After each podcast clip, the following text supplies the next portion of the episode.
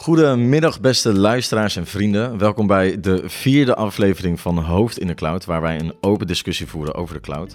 Waarom maak je gebruik van de cloud? Hoe doe je dit? En wanneer is de cloud handig? Maar ook, wanneer is het overbodig? Um, in de vorige aflevering hebben we een algemeen gesprek gehad over het monitoring in de cloud. Um, wat het is en waarom bedrijven dit inzetten. En in deze aflevering gaan we kijken naar data responsibility. Dus wie is er verantwoordelijk over welke data en hoe wordt deze data gecreëerd? Ik ben Daan, jullie host voor vandaag. Ik zal de vragen stellen en het gesprek begeleiden. Tegenover mij daarentegen heb ik twee experts op het gebied van data.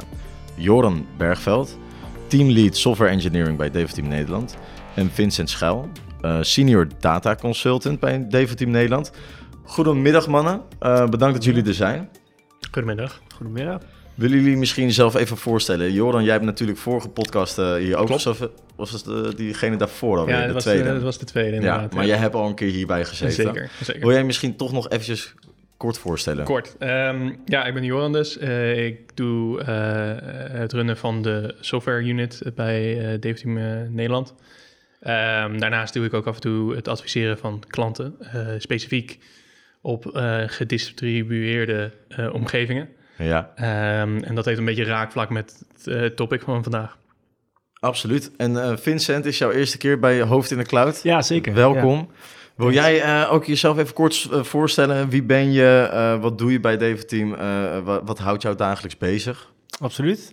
Nou ja, Vincent en ik werk nu bijna een jaar bij Team als dataconsultant.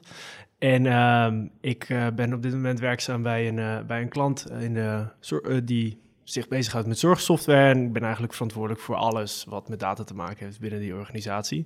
Dus van architectuur tot uh, de uiteindelijke visualisatie daarvan. Uh, en ik mag me dus met heel veel dingen mag ik me bemoeien. Jij bent het, uh, het koppelpuntje van alle data. Ongeveer wel, ja. Ja. Heel interessant, perfect voor deze aflevering natuurlijk. Oké, okay, dank jullie wel. Um, nu zitten we hier om het over uh, data responsibility te hebben. Uh, wat het inhoudt, waarom het belangrijk is en, en hoe het uh, wordt gebruikt door organisaties en bedrijven. Maar misschien om te beginnen, um, wat is data überhaupt? En, en dat data responsibility, waarom is dat belangrijk? Voor wie is het belangrijk en, en waarom? Ja, nou ja, kijk, ik, uh, wat, wat, we allemaal, we werken allemaal met systemen. Ja. Dus uh, hey, jij hebt superveel applicaties, heb je op je telefoon, op je laptop uh, en overal wordt informatie van jou verzameld. Ja. En die grote berg daarvan, dat noemen we data. De berg van informatie. De berg van informatie. Ja. Goed verwoord, oké. Okay. En, en, en die data, hè, elk bedrijf of, of systeem wat online uh, um, gebruikt wordt, daar wordt dus data op verzameld. En dat heeft locaties en plekken en, en systemen. En nu is een beetje de vraag, wie is nou verantwoordelijk voor welke data? Waarom is dit belangrijk voor bedrijven om te weten? Nou, ik denk dat het uh, steeds belangrijker wordt. Uh, de trend is dat we veel meer uh, ja, subsysteempjes gaan maken. Dus dat we alle, alle, de hele puzzel gaan opknippen in verschillende puzzelstukjes. En die dan vervolgens aan teams eigen, ja, het eigenaarschap daarvan geven. Ja. Maar, dit is nou van jou. Ja, waarom, waarom wordt het opgeknipt? Waarom, want hoe was het? Vroeger was het niet zo. Vroeger was het altijd één gigantisch systeem. Dan had je een, gigantische, een gigantisch systeem wat een gigantische hoeveelheid data had. Maar ja. dat was, ja, het was op één plek. Dat was heel makkelijk. Um, ja. Gezien dat we dat nu opknippen in stukjes, ja. is het niet zo makkelijk meer om te zoeken waar, waar, waar is mijn data nou. Maar ook in die spaghettiberg, wat ja. de monolith heet, was het ook niet per se makkelijk. Monolith? Ja. Dat was het systeem van vroeger? Ja. Oké, okay. dat was het systeem wat alles regulierde. En wat is het nadeel daarvan? Waarom zijn we dat aan het opknippen? Dat werkte niet meer zo goed? Um, eigenlijk komt het een beetje neer op het schalen van je organisatie. Uh, we kunnen hier natuurlijk een heel andere podcast ja, over maken. Ja, ja. Dus het lijkt me wel leuk trouwens. Maar, uh, Voor de volgende. Uh, gaan we doen. Uh, maar als we dat opknippen, dan kunnen we dat meer schalen over je organisatie heen. Okay. Dus dan kunnen we meerdere teams inzetten om dat hele platform te ontwikkelen. Ja, ja, oké. Okay. Dus je wilt meerdere teams op uh, uh, meerdere kleinere uh, systemen zetten, ja. zodat ze ook allemaal tegelijkertijd kunnen werken exact, misschien. Exact. En dat samenwerken en, en daardoor betere kwaliteit wordt geleverd van iets. En sneller. Of sneller, inderdaad. Ja. Maar ja, dat, daar, komt, daar komen weer problemen bij kijken. Bedoel, elke nieuwe oplossing zorgt voor nieuwe problemen bijna. Exact. Oké, dus vroeger had je één groot systeem en nu zijn het allemaal subsystemen aan het worden. Eigenlijk wel. En we hebben het vandaag dus over data responsibility. Waarom is dat zo'n lastig vraagstuk op dit moment? Nou ja, omdat je dus... Je hebt al die kleine subsysteempjes. Ja. Maar ehm, die moeten op een gegeven moment wel met elkaar communiceren. Dus eh, al die systemen genereren hun eigen data. En dat komt, wordt dan ergens opgeslagen. Ja, Ehm, neem een winkel bijvoorbeeld. Hè? Dus die heeft informatie over wat, we, wat ze in een magazijn hebben liggen. Maar ook informatie over wat ze aan het verkopen zijn. ja, En af en toe wil je kijken, oké, hoe, hoe lang hebben we nog magazijn eh, voorraad, zeg maar. Ja. Eh, dus dan moet je je verkoopcijfers met je magazijncijfers gaan vergelijken. ja, En dus dan moet je van A en B moet je kunnen samenvoegen. Maar wie is verantwoordelijk voor A? En wie, is verantwoordelijk voor, B? En wie is verantwoordelijk voor A en B samen? Ja, ja. Oh, want dat is ook nog natuurlijk een koppeling. Oké, Ja. dus ik zie het nu even, wat je, even we, we zijn een winkel. Hè? We zijn een winkel en wij hebben meerdere ehm, eh, punten wat data verzameld. Dus we hebben inderdaad het magazijn, we hebben de verkoopcijfers, misschien hebben we het ook een klanttevredenheid. Hè? We Gewoon allemaal punten. En al die punten zijn dus die subsysteempjes waar we het over hadden, als het ware. Die zijn allemaal apart bezig met hun eigen data en met hun eigen doelen. Maar dat komt dus ook weer samen op één punt. Want het moet verzameld worden. En, en, en vanuit daar, dat, dat is ook weer een apart team als het ware. Ja. Die dat verzamelt en die ervoor zorgt dat het re- gereguleerd wordt. Nou ja, niet helemaal. Oké. Eh, er zijn meerdere oplossingen. Eh. Laten we het zo laten we daarmee beginnen. Eh, het is een oplossing om dit gewoon centraal te beleggen. Zoals wat, wat Vincent net zei van joh, Vincent is aanspreekpunt voor alles. Ja, Ehm, dus dan ben jij het centrale punt. exact. Oké. Ja, dus iedereen die een datavraag heeft, komt naar mij toe. Dat is hartstikke handig, want ze weten altijd wie ze moeten benaderen. Maar tegelijkertijd, als iedereen tegelijkertijd een vraag aan mij stelt, kan, ik kan er maar eentje helpen, zeg maar. Ja, Dus ik ben ook de belemmerende factor. ja oké. Ik, ik hou feitelijk een organisatie tegen in hun ontwikkeling van nieuwe inzichten. De snelheid waar, waar zij dingen Ja. mee willen doen. en Dus dat is niet schaalbaar. Ben jij verantwoordelijk over data en niet over alle data, maar heb jij ook jouw pool van verantwoordelijkheid, zeg maar? Niet dat vastgelegd is. Oké. Nee. Want dat is ook best wel een belangrijk punt, hè? Ja. Want eigenlijk is het ook de afspraak die je met elkaar maakt... wat ervoor zorgt van, oké, jij bent verantwoordelijk voor dit... en jij bent verantwoordelijk van dat. Dat wil je van tevoren duidelijk hebben. Ja. Absoluut. Wordt dat goed genoeg in contracten meegenomen, denk je? Als je naar gewoon de algemene bedrijven kijken... en eh, als we naar de, Nou, al die systemen kijken? Wat je, wat je een beetje eh, ziet, en eh, we- ik en Vincent grappen hier wel vaker over, is dat eh, in de, binnen de softwarewereld lopen we daarin ietsjes voor. We, we zijn eh, best wel ver met het eh, eh, opstellen van contracten over hoe je met elkaar omgaat. Maar op een dataniveau ja, lopen we daar nog een beetje achter. Dan zijn we nog een beetje aan het ontdekken van, joh, hoe doen we dit? Ja. Want het is nog eigenlijk ook in de ontwikkeling. Ik bedoel, het is constant aan het ontwikkelen. Tuurlijk, alles. Ja, want daar, daar, daar zijn op meerdere punten, hè, als je het over regelgeving hebt, is het altijd lastig om duidelijke regels op te stellen voor iets wat nog aan het evalueren is, zeg maar. Ehm, die, die even, dat merken jullie dus ook heel erg, dat de evaluatie eh, binnen, binnen data en responsibility, hoe dat precies werkt, welke systemen worden gebruikt en zo. Ja. Ja, daarin wordt eh, inderdaad als eerste de focus gelegd op de software, want dat is vaak het grootste probleem. En daarna eh, dan wordt het allemaal opgesplitst in microservices, maar vervolgens moet inderdaad een andere afdeling, afdeling data, Ja, moet iets gaan doen met die output die de software aan het genereren is. ja, Dus data loopt altijd iets achter. Oké. Eh, dat is niet zo heel gek, maar in dit geval denk ik dat we wat te veel achterlopen. Ja, oké, in, de- in de tijd waar, waar we nu in leven, zeg maar. Ik denk dat we al meer de discussie hierover moeten hebben. Want Eh, waarom lopen we achter dan? Wat, wat, wat, wat doet dat zeggen? Ja, het wordt bijna filosofisch. Ehm, ik, ik denk ehm, dat als bedrijf zelf, eh, denk je eerst aan, joh, wat wil ik mijn klant bieden?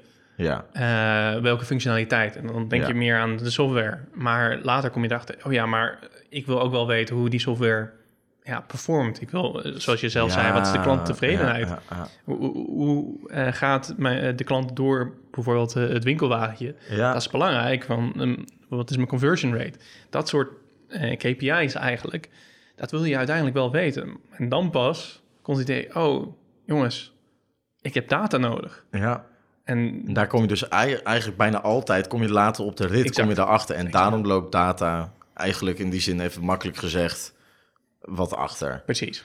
Oké, want nu zit alles in een, eh, een soort centraal model. Dus, dus er zijn... Het Vincent-model. Nou, Ja, nou, dus- hoe werkt dat? Inderdaad, dus de software wordt opgesplitst, maar vervolgens, dus je hebt eigenlijk allemaal verschillende bakjes Ja. waar software zijn of haar data in stopt. En daarna trekken we alles alsnog naar één centraal punt. Eh, en dan vanuit daar gaan we visualiseren en gaan we analyseren. Dus er is een team, is er eigenlijk de hele tijd bezig om data van A naar B eh, te verplaatsen. En iedere keer als er een nieuwe service bij komt, eh, moet die koppeling gemaakt worden, moeten er allemaal pipelines worden dan gemaakt. Ja. Zie je het een beetje als een olieraffinaderij. Ja. Zeg maar, het is een hele fabriek vol met buizen die dingen aan het transporteren Ja, zijn en aan het verwerken zijn. nodig. En eigenlijk dat hele ding staat er nog steeds. Uh, maar dat is niet een heel elastisch gebeuren. Dat, Ja. ja. het is, Het is hetzelfde een als het- systeem. En Ja. niet het is niet flexibel genoeg voor de mate waarin software ontwikkelt. Nee. Uh, de snelheid ook. de snelheid, ja. Dus we merken nu dat dat, dat centraal systeem, wat, wat vaak op dit moment gebruikt wordt, of waarschijnlijk meestal. Ja, zeker. Ja, dus de, de traditionele data warehouses draaien nog in heel veel organisaties. Ja, Andere partijen hebben dan een data lake. Eh, dus ja, echt gewoon een meer waar alles ingedumpt wordt. Nou, succes met zoeken. ja. Eh, en weet je wel? ik wil die ene goudvis hebben uit, Ja, uit nee, het meer. Ja, en, en iedere keer komen er nieuwe stroompjes bij. Of is er ergens Ja. anders iets en dat moet wel in hetzelfde meer terechtkomen. Ja, maar dat is het ook. Hè. Ik bedoel, je, er, er staat op een gegeven moment een systeem en dan moet dan weer een nieuw iets opgebouwd worden. En dat wordt, dus als je een huis hebt, ja, ik wil daar een eh, verandertje bij en ik wil daar nog een dakkapelletje en ik wil eigenlijk nog een verdieping erbij. En, ik wil, en op een gegeven moment heb je een huis die helemaal niet meer staat. Ja. Dat is een beetje het probleem wat we Ja. nu zien. Exact. Oké. En ehm, wat zijn kansen daar weer in? Of, of is er iets wat we, waar we naartoe bewegen wat, wat gaaf is? Of, Eh, ik denk eh, het omdenken eigenlijk. eh, van, joh, we, data traditioneel, zoals Vincent zegt, is, is dus een centraal georganiseerde manier van denken. En dat hebben we bij software ook altijd gehad. Maar bij software is dat nu een beetje gaan veranderen in de, in de microservices idee. Ehm, Want software, even voor ook de luisteraars en, en ook voor mij moet ik zeggen. Software, ehm, dat is het programma wat Exact. alle data gebruikt. Kan je even kort uitleggen wat, wat Eh, die de data is? genereert. Eh, als we bijvoorbeeld naar ons eh, webshop voorbeeld kijken, Ja. dan heb je bijvoorbeeld een bestelling stukje, right? En als jij een bestelling doet, genereert dat dus data over jouw bestelling. Ja. Dus dan staat er ergens eh, in een database, joh, Daan heeft deze bestelling gedaan. Ja.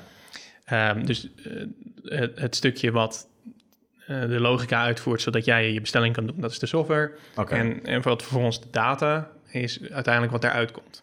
oké, ja. En dat sla je op in, in een database, maar dat zijn dus nu allemaal databasen. Ja. Overal. Want je hebt dus nu superveel bronnen Exact. van data. Ja. En het, ja, En Vincent is er nu eigenlijk al elke dag mee bezig om al die databases te vinden, ten eerste. Te En vinden, dan- te en- begrijpen. en- Eh, ja, en, daarna moeten we het aan elkaar zien te knopen. ja. Dus ja, Hoe is dat baantje? Hoe is dat om te doen? Is dat chaotisch? Is ja dat... dat... is wel chaotisch. Ook omdat dus niet altijd duidelijk is, oké, dus ik, ik, heb, ik vind dan een nieuwe tabel. Ja, Ik heb geen idee wie daar dan aan heeft gewerkt. Wie snapt ja. wat, wat er dan daadwerkelijk allemaal in staat. Dus dat moet ik dan vaak zelf uitzoeken.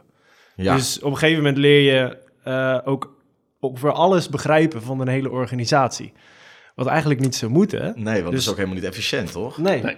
Nee. Het kost gewoon heel veel tijd en energie. En voor Ja. jou ook eh, heel veel tijd en waarschijnlijk. dan heb je heel veel kennis in je hoofd wat je daarna weer gaat vergeten. Ja, En dan moet je het de volgende keer moet je het weer uitzoeken, zeg maar.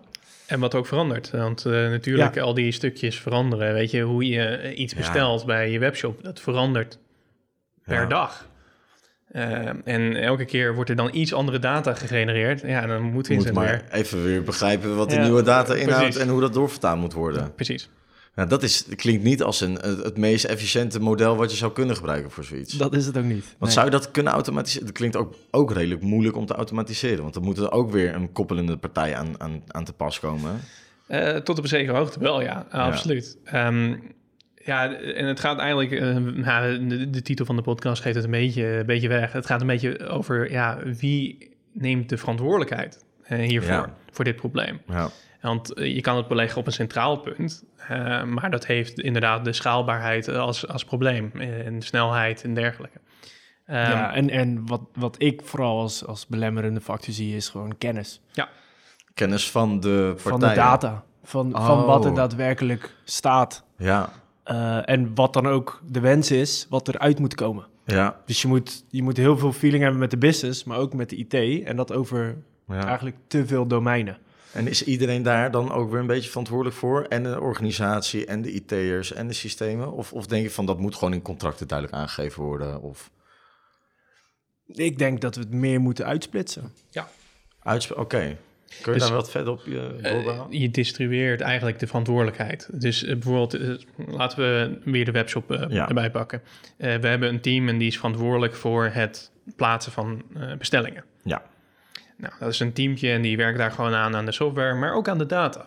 Die is ook verantwoordelijk voor het beschikbaar stellen van de data en het uitleggen van de data. Ja, als Vincent een vraagje heeft, dan moeten zij op dat moment wel die uitleg aan jou kunnen geven. Exact. Of jou de goede data kunnen geven. Dat is hun verantwoordelijkheid. Ja, op dat moment. Precies. Dus dat Vincent op een centraal punt kan opvragen: joh, ik wil eh, bestellingdata. En dat hij niet hoeft te zoeken. Nou, dat is één. Ja, Eh, dat hij weet wat voor formaat de data is. Eh, En bij wie die aan kan kloppen als hij vragen heeft. ja, Dan leg je de verantwoordelijkheid bij de teams. En dan kan je dus ook eigenlijk veel makkelijker het schalen van, eh, Ja. van de organisatie verwerkelijken. Ja, en als je ook van tevoren duidelijk weet, hè, door contracten, door goede eh, ehm, communicatie met elkaar, dat je weet van nou, hè, jongens, jullie zijn hiermee bezig, dit is jullie verantwoordelijkheid. Als ik aan deze eh, bel trek, dan wil ik dat jullie dit voor mij gaan doen, Ja. zodat jou, uit, eh, ook hè, Vincent, jouw baan uiteindelijk makkelijker wordt, maar ook dat gewoon überhaupt het hele systeem gewoon sneller en efficiënter met elkaar communiceert, zeg maar.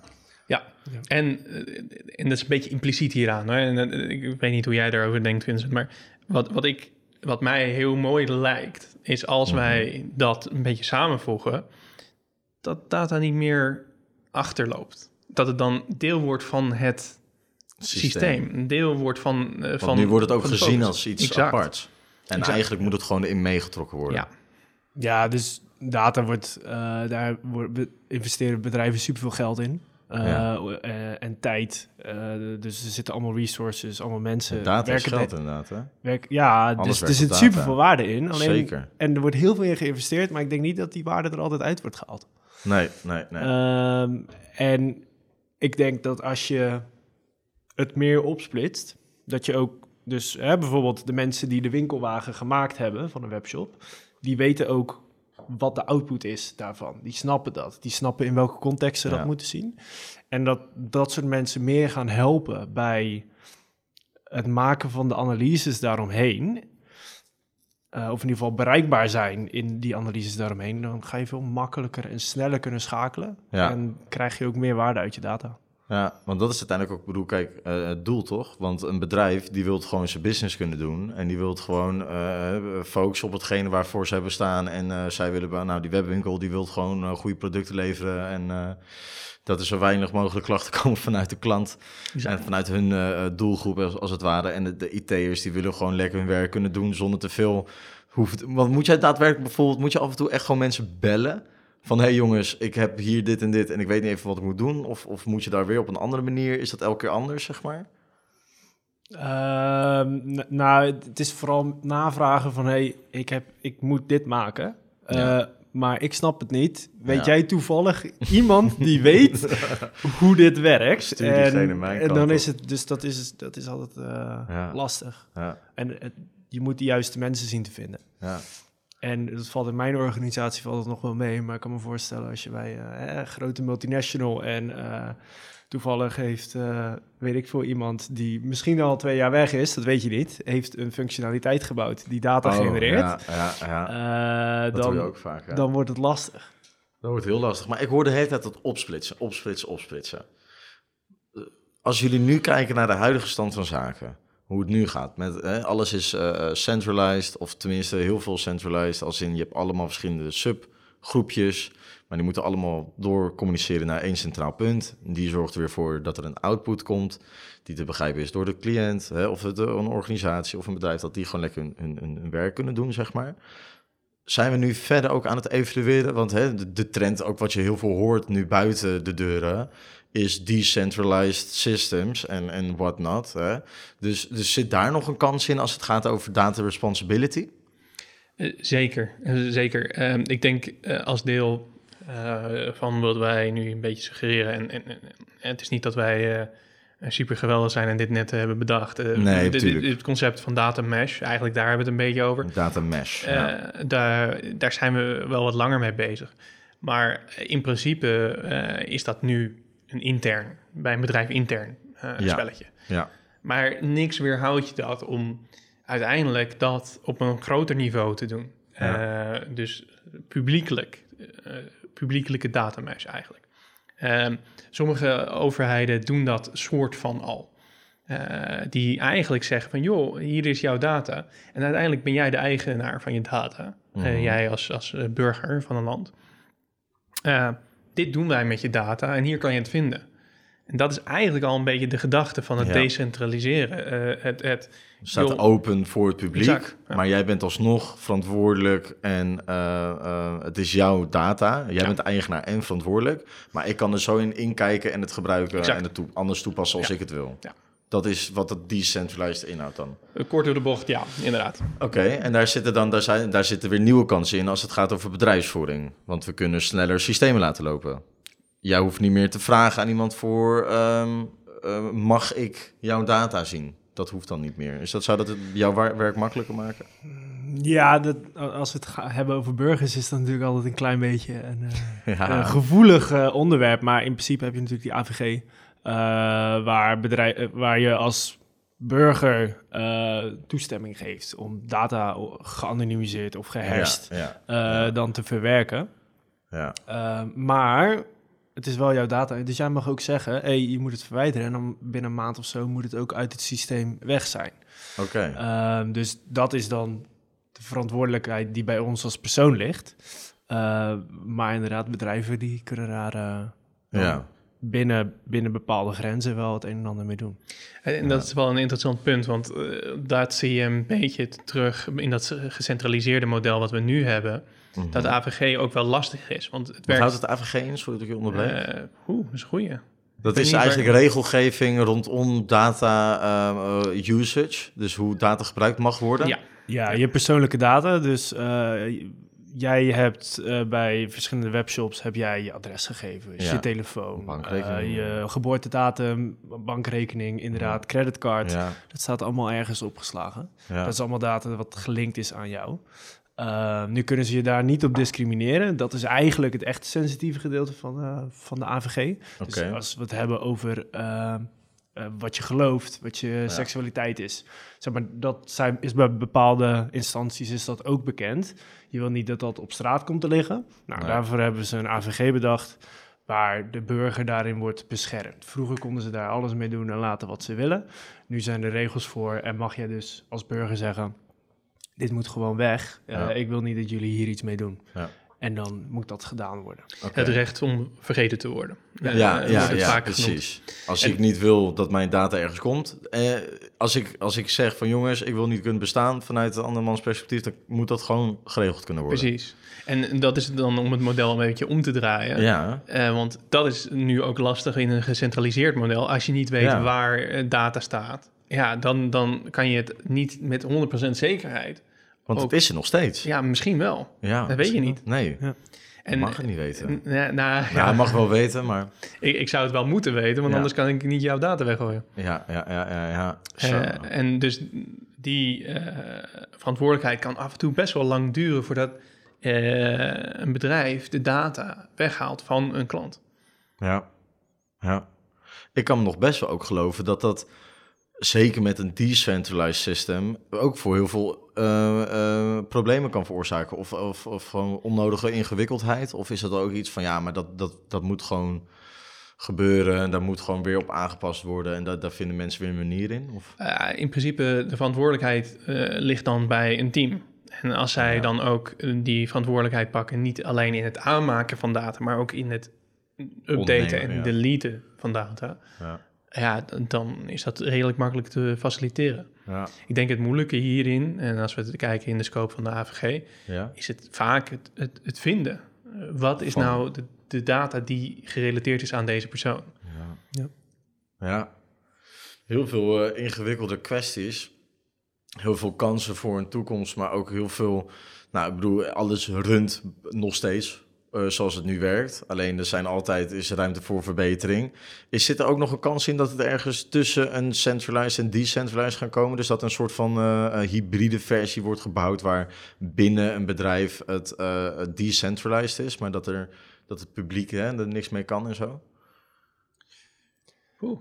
Ehm, In ieder geval wat, we, wat wel zou kunnen, is dat je in ieder geval, eh, dus dat heeft minder te maken met het publiek, maar gewoon binnen de organisatie zelf, dat je inderdaad mensen hebt binnen de teams die dan hun eigen data owner zijn, Ja. die verantwoordelijk zijn voor dat stukje wat zij aan het bouwen zijn. Ja, En daar kan wel een datateam boven zitten, die zich meer bezighouden met de visie en de strategie en ja, richtlijnen ja, ja. opstellen voor uitwisseling. En Ja. die, die, dus er kan nog steeds wel op een centrale plek sturing Want het is worden nog best wel gegeven. handig, toch? Een centrale plek. Ik bedoel, dat we even weten van jongens, hè, onze ogen zitten die kant op gericht. Dit is wat nou een beetje de bedoeling is. Gaan jullie allemaal maar je ding doen? voor, voor een, eh, iets zoals governance, eh, waar we het eigenlijk een beetje over hebben, ja, absoluut. Eh, niet voor de, voor de echte daadwerkelijke implementatie, maar voor een richtlijn is dat, kan dat zeker beneficial zijn. Ja. Absoluut. Ja. Ja, En, en ook voor de visualisatie, eh, inderdaad. Van joh, als je, wat, wat, wat eh, Vincent eigenlijk eerder zei, van joh, ik eh, heb mijn magazijn en ik heb mijn verkoopcijfers. Het zijn twee andere blokjes. Ja, die moet ik wel bij elkaar kunnen brengen. Dus je zou ook kunnen zeggen dat er een gecentraliseerd team is die eh, die visualisaties daarvan maakt. ja. En die, en die inzichten creëert. Zo. Het is wel echt een ongelooflijk interessant eh, eh, onderwerp om, om over door te blijven praten. Ik bedoel, je hebt inderdaad gewoon een organisatie. Dat is iemand met een bepaald doel. Die, die, die, die, die zitten in een bepaalde business. Die verzamelen vanuit allerlei verschillende hoekjes van de kamer data. Dus, dus eh, ze hebben allemaal kleine bootjes die om hen heen varen. En al die kleine bootjes die moeten weer allemaal bellen naar eh, de haven. Hè? De haven moet ervoor zorgen dat eh, jij moet daar aan, aan stranden en ik wil jou daar hebben en jouw data, daar moet dit mee gebeuren. En dat moet dan weer visueel gemaakt worden voor de organisatie, zodat zij hun model weer kunnen aanpassen op de data die geleverd is. En zo door en zo door en zo door. Wie is nou verantwoordelijk voor wie? Er zijn dingen op te lossen met contracten. Er zijn dingen op te lossen met nieuwe systemen. Ehm, hebben jullie het wel dat je, als je naar de toekomst kijkt, dat je denkt van ja, het is wel, er gaat wel gave ontwikkelingen komen als het komt over data responsibility en ownership? Ik denk wel dat er veel gaat veranderen, ja. Ja. Ja, ik eh, sprak toevallig net een collega die zit een beetje in die transformatie. Oh, Het duurt nog wel een paar jaar, maar ja, daar, ik zie daar wel grote voordelen van. eh, dat, ja, dat daar geloof je eh, wel in? Ja, ik geloof er wel in. Houdt dat eh, in met zo'n decentralized system? Of heeft dat, is dat weer iets anders? Ik, ik, ik denk dat het heel erg de trend is. Eh, Het decentraliseren binnen, binnen een, en hetzelfde bedrijf. Ja. Eh, dat zag je al met, met software, maar je ziet het ook nu met de DevOps mentaliteit. Joh, we geven de verantwoordelijkheid aan het team om end-to-end verantwoordelijkheid te pakken. Oké, maar er komt nu ook nog data bij. Oké, dan geven we data ook aan, aan het team. En dan, wat is de volgende stap? Ja, misschien iets zoals security. Dat is ook iets wat, Ja. wat vaak onderbelicht wordt. Ja, misschien moeten we dat ook in het team eh, ja, beleggen Ja. zodat het team echt de, de, de 100% verantwoordelijkheid kan nemen van hun domein, van hun stukje Ja, Van hun kasteel. van het geheel. Ja, Ja. Jij gelooft ook wel in, eh, in waar het Zeker. naartoe gaat evolueren? zeker. Hebben jullie ook eh, het zin om, om, om mee te maken en te zien? En eh, van nou, laat het maar komen. Over vijf jaar zien we wel weer wat er allemaal veranderd is. Ik ben heel erg benieuwd. Ja, Waarschijnlijk cool. hebben we over vijf jaar wat, an- wat anders bedacht, hè? ja, Dat- zo werkt precies. dat.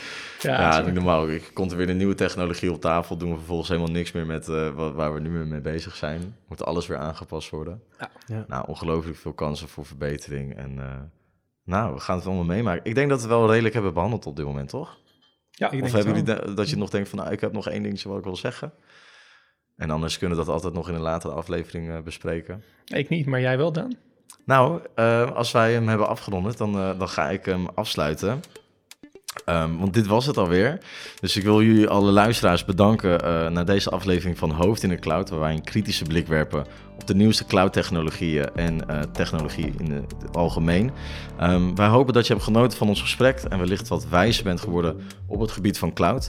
Voor deze aflevering wil ik natuurlijk nog Joran en Vincent enorm bedanken voor jullie aanwezigheid. Dus bedankt. Thanks, eh, jij ook dan. Geen probleem. Ja. Het was gezellig. Vond, je het leuk, eerste het leuk. aflevering? Ja, Super. absoluut. Voor Zoek- herhaling vatbaar. Goed, nou ik vond het ook echt goed gaan. Zoek deze man ook eventjes op op eh, LinkedIn, dat zal in de omschrijving beneden staan. Ehm, wil je nog graag een eh, specifiek onderwerp behandeld hebben voor een volgende aflevering? Laat dan een mail achter op nl.hoofdindecloud.develteam.com. Dat is nl.hoofdindecloud.develteam.com. Hoofd in de Cloud wordt gesponsord door Develteam Nederland. Develteam is een toonaangevend adviesbureau dat zich richt op digitale strategie, platformtechnologieën, cyberbeveiliging en bedrijfstransformatie. Zet jouw zakelijke uitdaging om in bedrijfswaarde. Benut het ware potentieel van verandering. Voor meer informatie ga naar develteam.com en vergeet deze podcast niet te delen. Dankjewel mannen.